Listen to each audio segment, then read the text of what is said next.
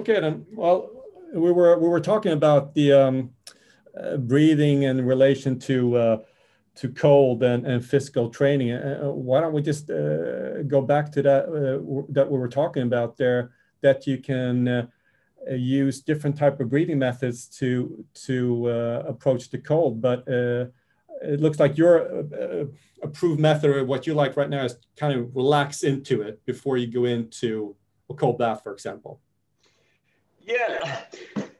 I, I, look and see what again what, what are the principles of everything? Why why am i doing this? And the reason why i would want to get into cold water uh, for me is to um, decrease inflammation is to relax the body to teach my body to be calm under stress. That's it. That, that's essentially why i do it.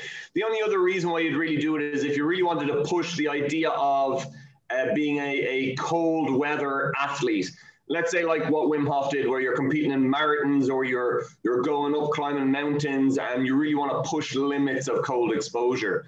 So for 99% of people, it's just to get in to experience the cold water, get all the benefits of cold water, and to also get the benefits of the mental training of consciously putting yourself into a stressor and then able to stay calm.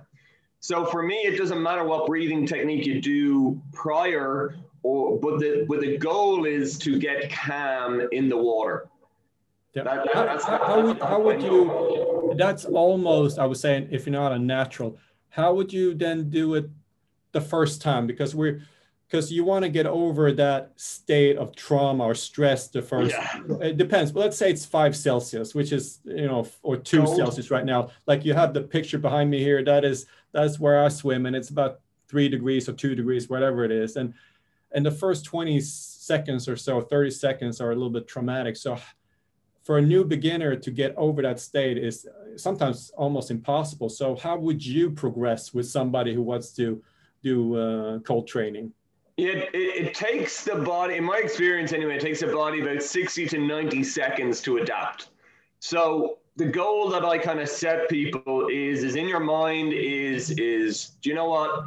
If I can get to two minutes, it's going to feel completely different. So I, I really work on mindset techniques to start to hone that in and visualize that aspect.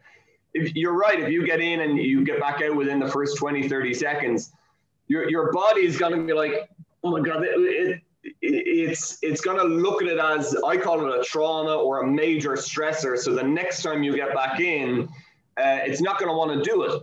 And if you repeatedly get out after 20, 30 seconds, your your your body and your brain will just go nah nah, and eventually will push back, and you'll just move on to something else. You won't you won't bother with it, which means you won't get the reap the rewards of it either. So the way I would ask a beginner is, well, first of all, I'd say is let the body breathe. So I actually allow, if, if I wasn't even to do any prep work, if I just asked somebody to step into that stressor, I actually allow the body to breathe. So, which means is it will end up, if you think of any stress, what is a stress reaction? It is mouth breathing. Okay. It is big breathing. But by consciously doing that, you send a message, it's different to a subconscious big breathing pattern. So, doing a subconscious big breathing pattern, let's say you see a big grizzly bear and it's coming for you, like that, that's different to you consciously going. the, the, the brain thinks of it differently. But your goal is then to restore nasal breathing as you're in the cold. So as you get over that first 20, 30 seconds, you then go.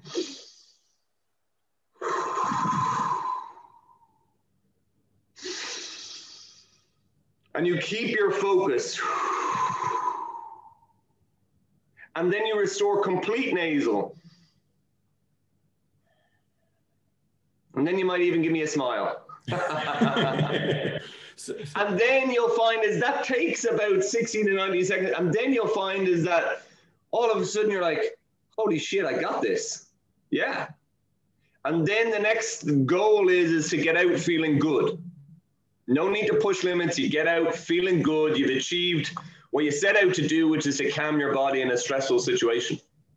Yeah, that, that's a great. So to actually progress with the breathing as well and make it conscious, that's the whole key.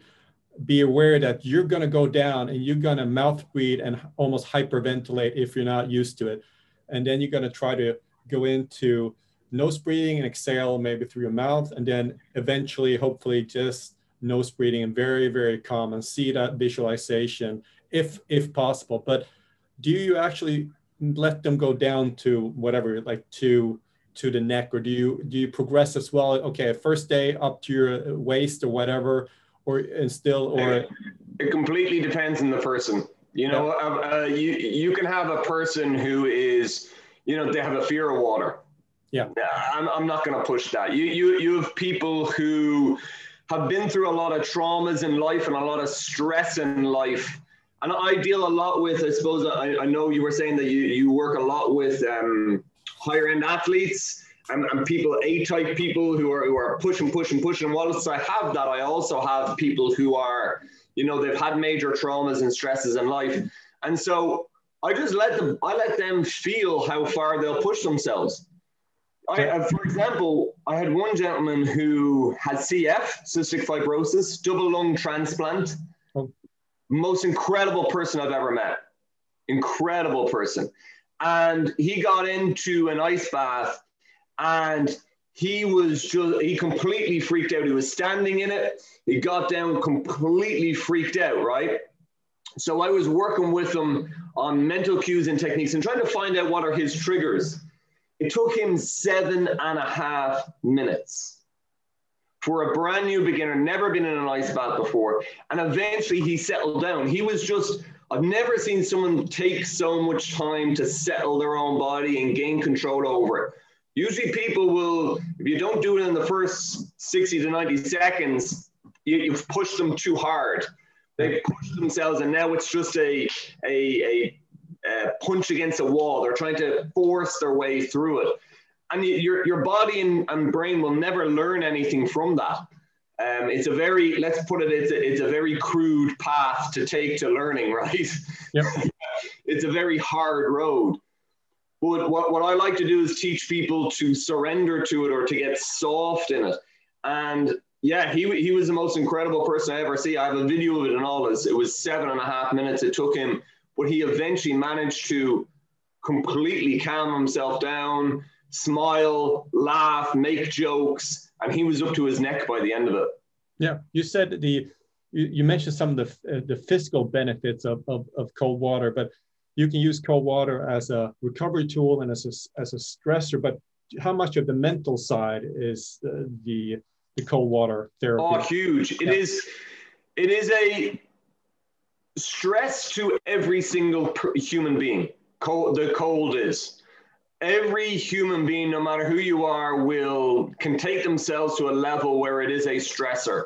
So by you consciously going into that cold, whether it's a cold shower, whether it's contrast showers, whether it's um, ice baths, whether it's a cold sea, they're all different versions of it. But by you consciously doing that, you are teaching your your mind to be calm in a stressful state. Now you take that metaphor and you apply that to life. You apply it to competition and sport. You apply it to a boardroom. You apply it to arguments you're having, you know, at home in relationships. You can apply those same teachings across the board. Yeah. How, so how do you how do you as a breathing and, and, and cold, for example, we take those and even physical training. If if um, I mean, you I know you do a lot of these things, so you kind of can calibrate your body. Okay, today I need to recover. You can do less of a cold bath or not at all, or maybe some slow breathing.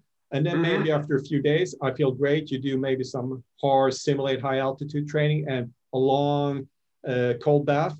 So you kind mm-hmm. of you know you kind of go up and down that scale, just like just like an in a physical training as well. Mm-hmm. And, but um, do you use any type of measurements, or you just feel what your body needs, or do you use that with your clients as well to kind of assess, like an Oura ring for the HRV value? Like you're you're too stressed today, we're going to recover. Anything mm-hmm. like that? I used to use uh, HRV a lot uh, in my practice and with clients. I only use it with people who are new to me and new to tapping into their body.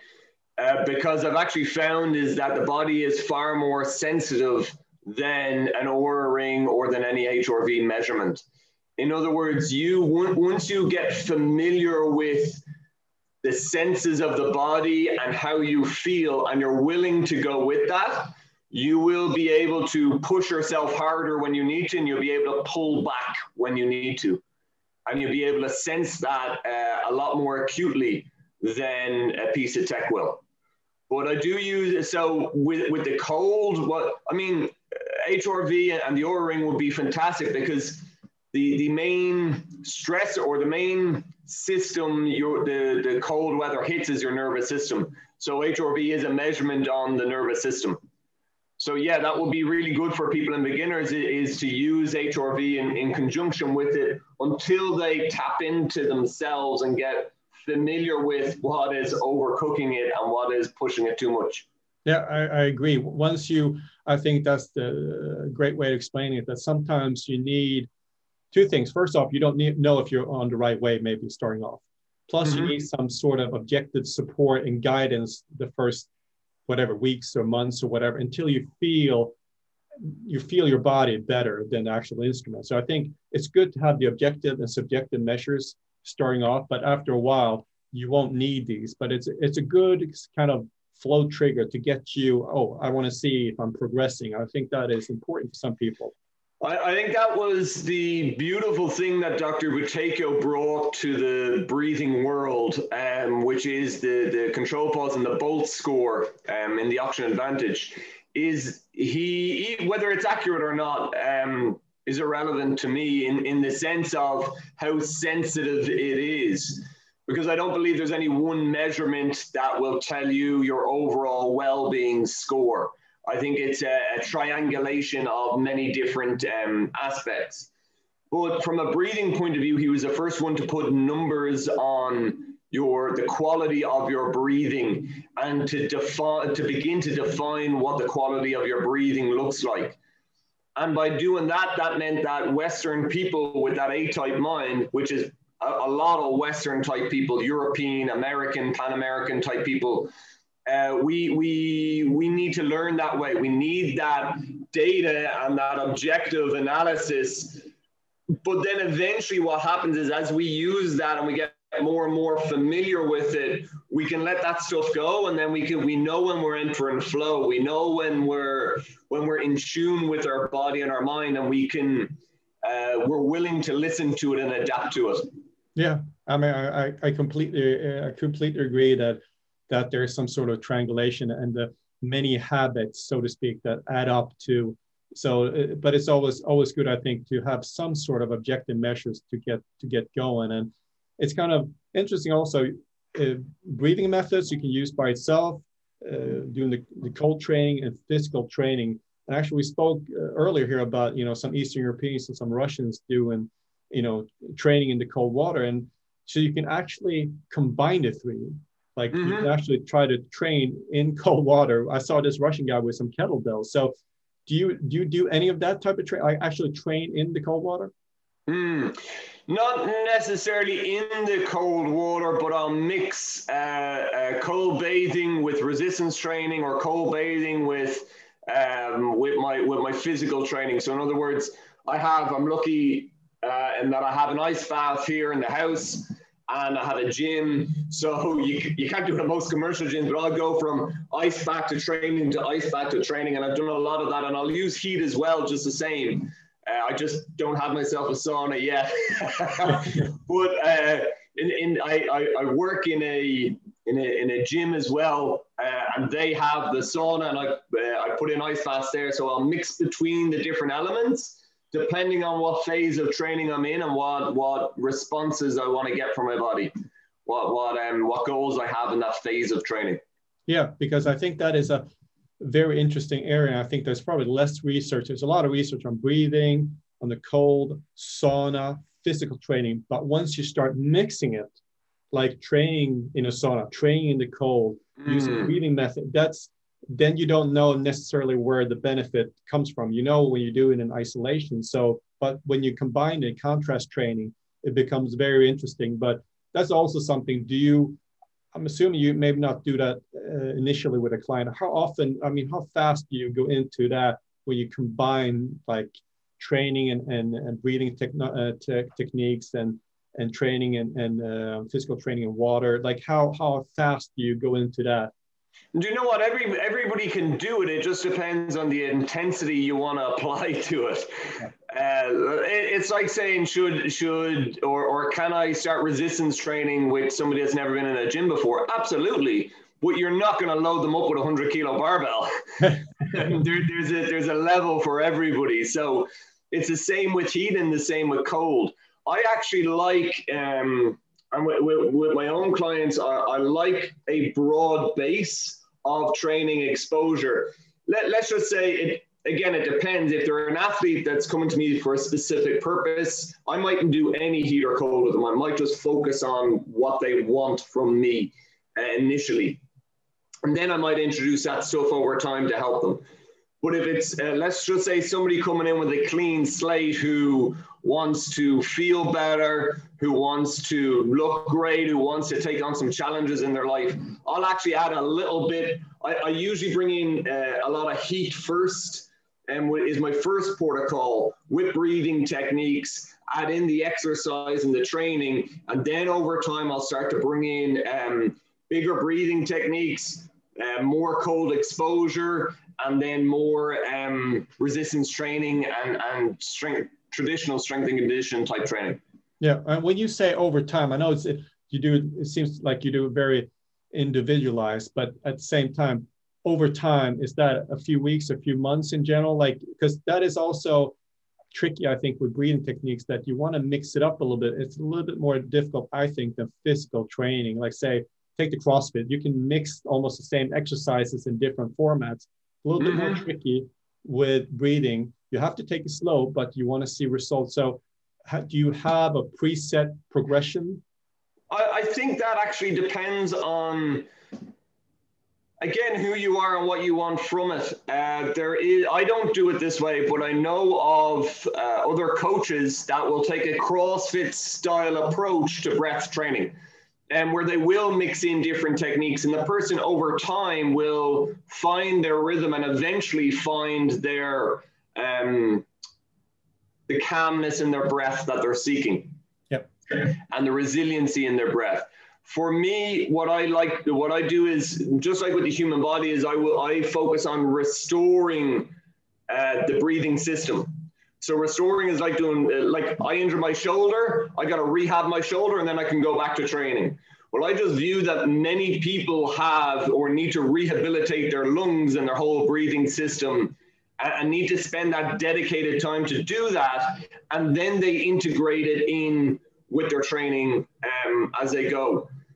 I'm building out online stuff at the minute, Daniel, and, and I, I do have that rehab phase, and then I'm building out where people will just they, they, they will get random breathing techniques, for want of a better word, that have a that have a purpose that will match their phase of training but the emphasis isn't like oxygen advantage. It isn't to restore functional breathing. It's just to uh, have a breathing practice and to unpack what breathing is over over a long time, over two and three years. Yeah. So if I wanted to restore something, it's a focused phase. I say it takes people three months, um, but I've seen it range between three months and, and a year, depending on the person. Uh, to completely restore and to build their breathing system. Or some people just like to integrate it in with their training and, and unpack it over time. Yeah. And how, I mean, breathing, cold therapy, and training, what separates breathing is that you can do it, well, you obviously do it throughout the day, but even the breathing exercises, it's a little, you can obviously do a few push ups at the office, but cold training is more difficult. So breathing is always with you. You can, you can use that it's not a it's not a matter of time real because you have the time two minutes here two minutes there but cold training and physical training is usually well you do it in the morning or at lunch or at night and that that's it so to speak mm-hmm. but breathing you can actually incorporate throughout the day before a big meeting presentation um, get more relaxed or even um, get a little bit more upgraded if you feel like you need to get going in the afternoon how mm-hmm. do you do you use any of those like throughout the day or because a lot of people don't they view it as training and then well i did my training in the morning but what's important is really is the other, the other 23 hours during the day and at night. So how do you work with that? I think that if we lived as we were built uh, as human beings in other words if we lived a life uh, with the intelligence of modern life but with the activity and the nature of a caveman that we wouldn't need breathing training at all. There'd be, it wouldn't be necessary. But the reason why it's necessary is because of the way we live in this modern day. We, the food we eat, the the air pollution, the amount of people, which is then also creating viruses and and and external stressors to the body, the tech that we're on, the amount of sunlight we get, all of this stuff changes our human physiology and our psychology. And so we need to do things specifically to recenter ourselves or bring us back to our best self. And breathing for me is the most fundamental practice of all practices. So it, it is something that you're right that we carry with us all day, all night, and we don't need anything external to do it. So it's the lowest hanging fruit. And what I like to do is to train myself to a degree where I don't need to train, that I'm just going around with a nice natural breath. But sometimes life screws you up, and you know that that's the nature of modern life. And so, yes, I bring in a lot of breathing practices during the day to help restore that. Most of them are based around the oxygen advantage type techniques um, or where it's breath holding or it's calm breathing and it's restoring that nice subtle breath uh, is how I refer to it. And if my breath is not subtle, if it's not calm, if it's not gentle, in other words, if it's a bit distorted, if I notice myself doing that stuff, um, alarm bells go off pretty quickly and go, oh, okay, I'm stressed here. Why am I stressed? Uh, and and what, what am I going to do about it? Am I going to allow myself to stay stressed for a little bit, or am I going to do something to change that? Yeah, yeah, and that, that's uh, that's great. And do you do you have any sort of uh, uh, what would you call timestamps? Like in the morning, do you try to uh, for you or for uh, even for yourself, like try to relax in the morning or try to get uh, upgrade a little bit, and at the same time at night because you can you can look at it starting the day proactively in a good way ending the day uh, on a, on a good note and everything in between to both to kind of uh, improve your sleep uh, or set set the stage for a good night's sleep. So it's the you know the 24 7 approach. So do you have any general view on how to start the morning first off my reg I, have done a lot of stuff over many years uh, as you have and as, as i'm sure a lot of the, the listeners here have as well and I've gone through very structured periods of morning routines and bedtime routines and topping, topping and tailing your day. Nowadays, I'm not so specific because I have a huge toolbox now. I have a lot of tools to pull from it will depend what I'm doing in life and what I want from my day. There's some days where I want to be chilled out and have an easy uh, ride into the start of my day and, and let my day build and increase. And there's other parts of my life where I'm like, I got to get up at 5 a.m., 4 a.m. in the morning, switch myself on pretty quickly, and I want to get my work done early. So uh, I kind of, my, my if I look at my year as a whole, I look at my life like an athlete will look at their training career. So an athlete will look at it and they will periodize their training program with a goal in sight. Well, I do the same with my life. So there's, for example, at the moment, the focus on my life is to build uh, online training programs for people at different levels. So it's career based and it's it's that um, putting my mind to work, not my physical body. So when I get up in the morning, I actually want to switch my body on So I'll go and do bigger breathing techniques and I go train uh, more intensely early on in the morning. And I might even do a cold bath early on in the morning to get myself switched on.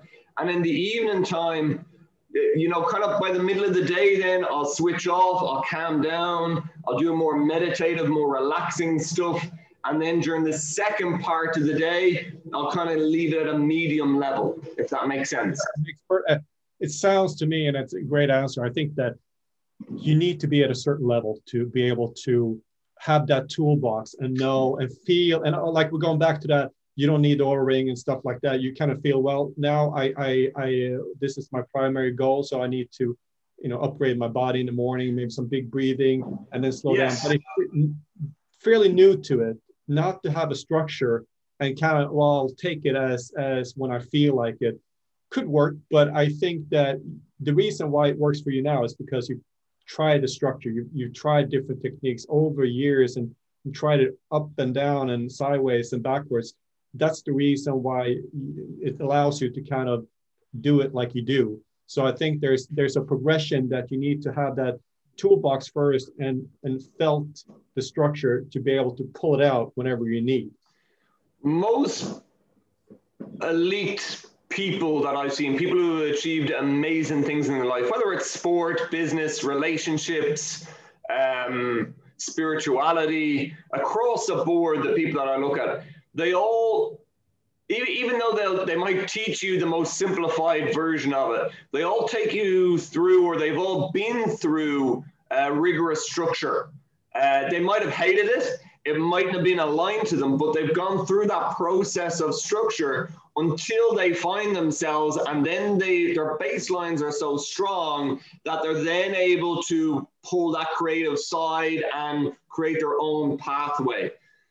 And yeah. so I actually think that when people are starting off, that it's really important to have uh, a structure, whether that's you've developed yourself or not, or you're going to a coach, um, it doesn't matter. A, a, coach is usually somebody who just has more experience uh, and years and knowledge of doing what you want to do. And so they can guide you quicker. But at the end of the day, that structure will help you get more in tune with yourself and then you can start pulling on that toolbox later on and designing it your own way i found that people who uh, pick and choose at the very start tend to be quite flighty and never actually get anywhere uh, or it takes them a lot longer to get somewhere. Yeah i i, I uh, definitely agree.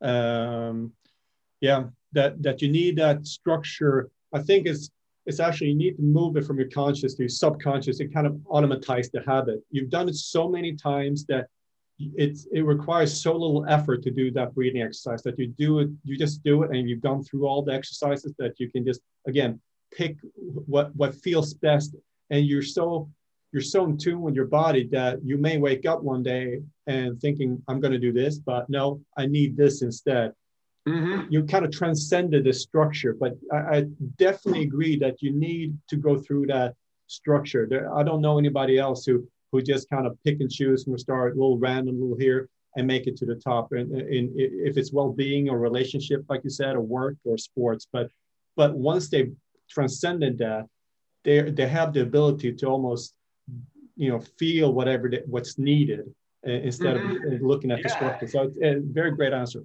every every every athlete and, and, sports is just something that we both hook into and, and understand.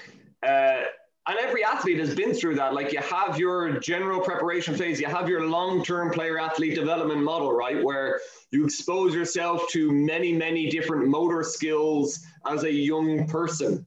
Um, and then you begin to refine yourself as you your skill level comes up and then eventually, once you get to the peak of your learning, you then find your own way of doing it. And martial arts, I, I judo is kind of my recreational sport that I do.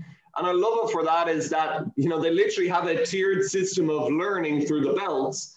And when you get to black belt, a lot of people think a black belt is an expert. But in judo, a black belt is called shodan in, um, in Japanese, which means the beginner. So when you get to black belt after maybe four years in judo, they consider now you've learned everything individual, now you have to start to apply it. In other words, you've built all your skills. Now you have to get good at using those skills in life. And I view it the same as breathing. And, and this is where the beauty of Oxygen Advantage is um, in its original forms is that its point is to develop the skill of functional breathing. And then once you do that, now you got to apply it. Now you got to, now you have those high baselines now you can use it to either develop your physical training more, to help you perform better in a boardroom where you need more um, mental techniques to keep you calm and focused, or whatever you, you need to use it for. Yeah. The difference is I find a lot of people want to jump into performance level and be like, okay, how do I do this in sport? And they haven't put those foundations in. Yeah. And they just because they're a human being or because they're an athlete that they automatically have them. Yeah. How do you how do you explain with all your knowledge, like especially breathing techniques? There's so so many. There's like there's so much research about the benefits. Uh, to kind of boil it down just to a few simple ways of why you should start with breathing and it's something physical to to improve your mind just like physical training improves your mind just like the cold, like I'm fo- I'm mostly focused on a mental aspect, but I use mm-hmm. the physical aspect to get into the mental instead mm-hmm. of going into meditation, which is great. It is mm-hmm. great, but using approach, yeah. and sauna example also, but these three especially is a great you know uh, way to access the mind and its focus. How do you mm-hmm. kind of take all that down and, and if there is a way and, and mm-hmm. kind of say this is the reason why is there is there such a way? Yeah, like for me, the body is if the body isn't healthy, if the body isn't working well, you can't access the mind very effectively. The body is a vessel. Think of it like you're you're you're cooking a meal.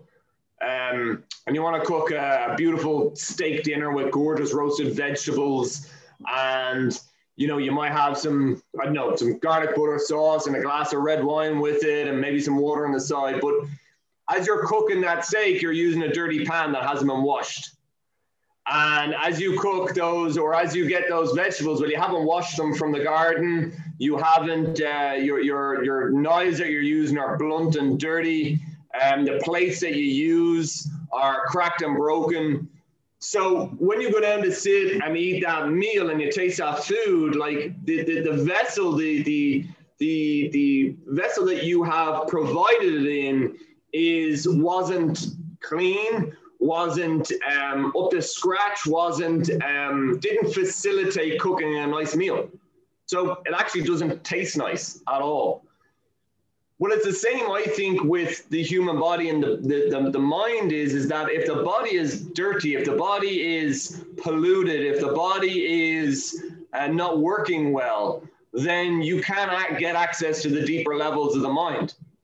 Yep. Uh, but as you begin to uh, train the body and hone the body, you will then get deeper and deeper access to the mind. And when I look at anybody who's done mind work, like go back to the yogis, go back to the monks, go back to the Buddhists, they, they lived a life that actually that they exercised, whether it was specific exercise or whether it was gardening and farming, they exercised, they ate well, they they lived a, a quite a disciplined life. So their bodies were were clean vessels. Yeah, that's a great analogy. I usually, which is a little bit more dry, I usually use the vagus nerve a little bit, like the two-way highway, kind of like whatever your mind goes down to your major organs and they they send information back. But it's also it's a two-way two-way street. So it mm-hmm. doesn't work one without the other. And also what I find is interesting is that I've done some research lately that cold, uh, even sauna, training, and breath work, all, all you produce BDNF, brain-derived neurotropic factor, which is kind of like strengthening your brain cells and creating new brain cells, actually. And I think that's fairly new research last decade or so. So just doing one is great, but if you combine the three that we're talking about, the cold, the training, and the breath work, it's like almost a trifecta. So that is also given to to improve your focus absolutely, and that's uh, do you know what? That's what's coming together. What, what's coming together uh, that I see in the world is an integration of different perspectives. You know, it used to be that uh, take Arnold Schwarzenegger for example. His ability to meditate in the middle of movement and find meditation and peace through movement was incredible. You ask most uh, you have you look at Bruce Lee, look at major martial artists, look at major sports stars. They will find that flow state. Just so happens through their physical movement. But that was reserved for people that liked that style of training. But there's many people in the world, and we all love different things. You'll also have people who just like cold exposure and they don't like anything else. They just like the feeling of it. Like I go down to a, a local um, to the to the sea and most of the people down there are 70 years plus. You know, they're not in a gym training, they're not killing it that way. They don't like that stuff, they don't care about that stuff, but their um, their way into their body and into their mind is through the cold exposure, through the through sea swimming, and and they develop uh, an amazing life through that. But what we see nowadays is an integration of them all, and you can pick to specialize in any one, or you can provide the human being with what it requires, which is a little bit of everything, and up all your foundations and then specialize. And I just think that we will continue to have mental health issues um, and an inability to really um, perform with our mind uh, uh, to our potential if we don't give the human body what it needs. We spend 90% of our doors of our time indoors, which means our ability to regulate temperature has decreased in the last 50 years. We're exposed to many different stressors and it's impacted our breathing, which means our breathing is dysfunctional or adapted. Again, the body's been affected. We don't move as much through life and so there's another avenue where our body is breaking down. And whereas up to now, a lot of sports have taught, okay, it, it, it's through movement and training and training and training and training. I think that with this integration, it's beautiful for people and for athletes because all of a sudden now you're lifting, you, it's like a, a rising tide floats all boats. As you lift up every single level, then your speciality will improve as well. Yeah, great answer. I think you're absolutely right. And I think the problem is that it's gone so slowly that I think breathing frequencies has almost gone up 50% over the last 50 years. Uh, I know there's stories about um, people wearing a few hundred years ago very little clothes, even in minus uh, degrees. So I think it's progressed so slowly that you don't even think about it. It's it's the normal. You have AC. You you try to be comfortable uh, you don't know what's the normal breathing rate should be. You move as you move. You, you sit at your office, you sit in your car, you go come back to your TV. That's that's your life. But it wasn't like that 100 years ago. So it's progressed. Oh, have you? If it happened throughout one day, everybody would notice the difference. But since it's progressed so slowly, mm-hmm. you just assume that this is just the way it is, or you don't even think about it. And I mm-hmm. think that is that is what you bring back to this when you start being mindful of your breath, when you become mm. stressed at meetings or arguments or whatever. Uh, the cold, when you go down to the cold, you, you realize that it's just so different from sitting in your living room and also hard physical training, what you get out of that on the back end. So, and again, you said physical training is, is maybe the one that's come the furthest uh, along the way, yeah. but now it's moving into that space where you kind of have a more holistic and you take everything into consideration because you have to. It's not just physical training. Uh, when, when I look at like my kids, are some of my greatest teachers, and when I looked at them as they grew up, you know, going age three, four, five, six, seven, eight, nine. It was amazing to see because when they were young, and I'll always remember I lived in, in, in Toronto for a couple of years in Canada, and my uh, we we were on my I had a, a three year old and a four year old, two girls at the time, and uh, it was minus 40 degree Celsius temperatures is what I got down to, and the the the, the three year old would not put on her snowsuit going out, and one day I said, you know what, that's fine. You're not wearing it. Come on, let's go. And I brought her outside because I didn't want an argument. I didn't want to be like, oh, like, as a parent, you want to protect them. But the kid was just like, no, because all the kid knew was, I'm indoors and it's hot. I'm not wearing a snowsuit. Uh, it's not happening. She didn't realize in 10 minutes' time she's going into minus 40 degree temperatures. So I said, you know what? That's fine. We walked outside. I brought the snowsuit with me. She got out five minutes later. She's like, Daddy, can I have my, can I have my coat, please? I was like, Yeah, sure. But going around as children at that age, and I don't know what it's like um, uh, over with you, Daniel, but in here in Ireland, parents are ridiculous for put your coat on, put your coat on, put your hat on, put your hat. You, are gonna be cold. You're gonna be cold. You're gonna be cold. And I've taken a like, I, I, and it's funny when I watch the grandparents of the kids and myself is because the grandparents are like, put put your coat, your your coat, your hat, and your scarf on going outside. And I'm like, what do you feel like? Do you want to put it on or not? And they're like, no, no, no, I don't. And so they don't put it on at all. But as they've got older and they've watched their peers their friends with coats and hats and scarves and say they're cold and watching the weather and they're listening to their grandparents and everybody else i can see them more and more going well it's it's kind of nicer to be warm and so they'll wear that and now i'm the one going come on let, let, let's get cold. And it's just something that now that children the more generations we we're going they're starting off with a baseline of just just stay warm, stay comfortable. You know, don't put you know keep, keep yourself safe. Um, we kind of have to go take off the gloves and go no that that's not how it is. And it's the same with exercises. My kids used to when they were younger and they did a lot of gymnastics when they were younger is they, they wouldn't walk down the road. They cartwheel down the road. I'd be like what are you doing cartwheel or they dance down the road. That's how they moved now as they get into teenage years, you're like, okay, you have to go do your, we want to go walking, we want to go moving, we want to go having fun and playing. And you kind of have to make them do that because society has said, sit there. Yeah.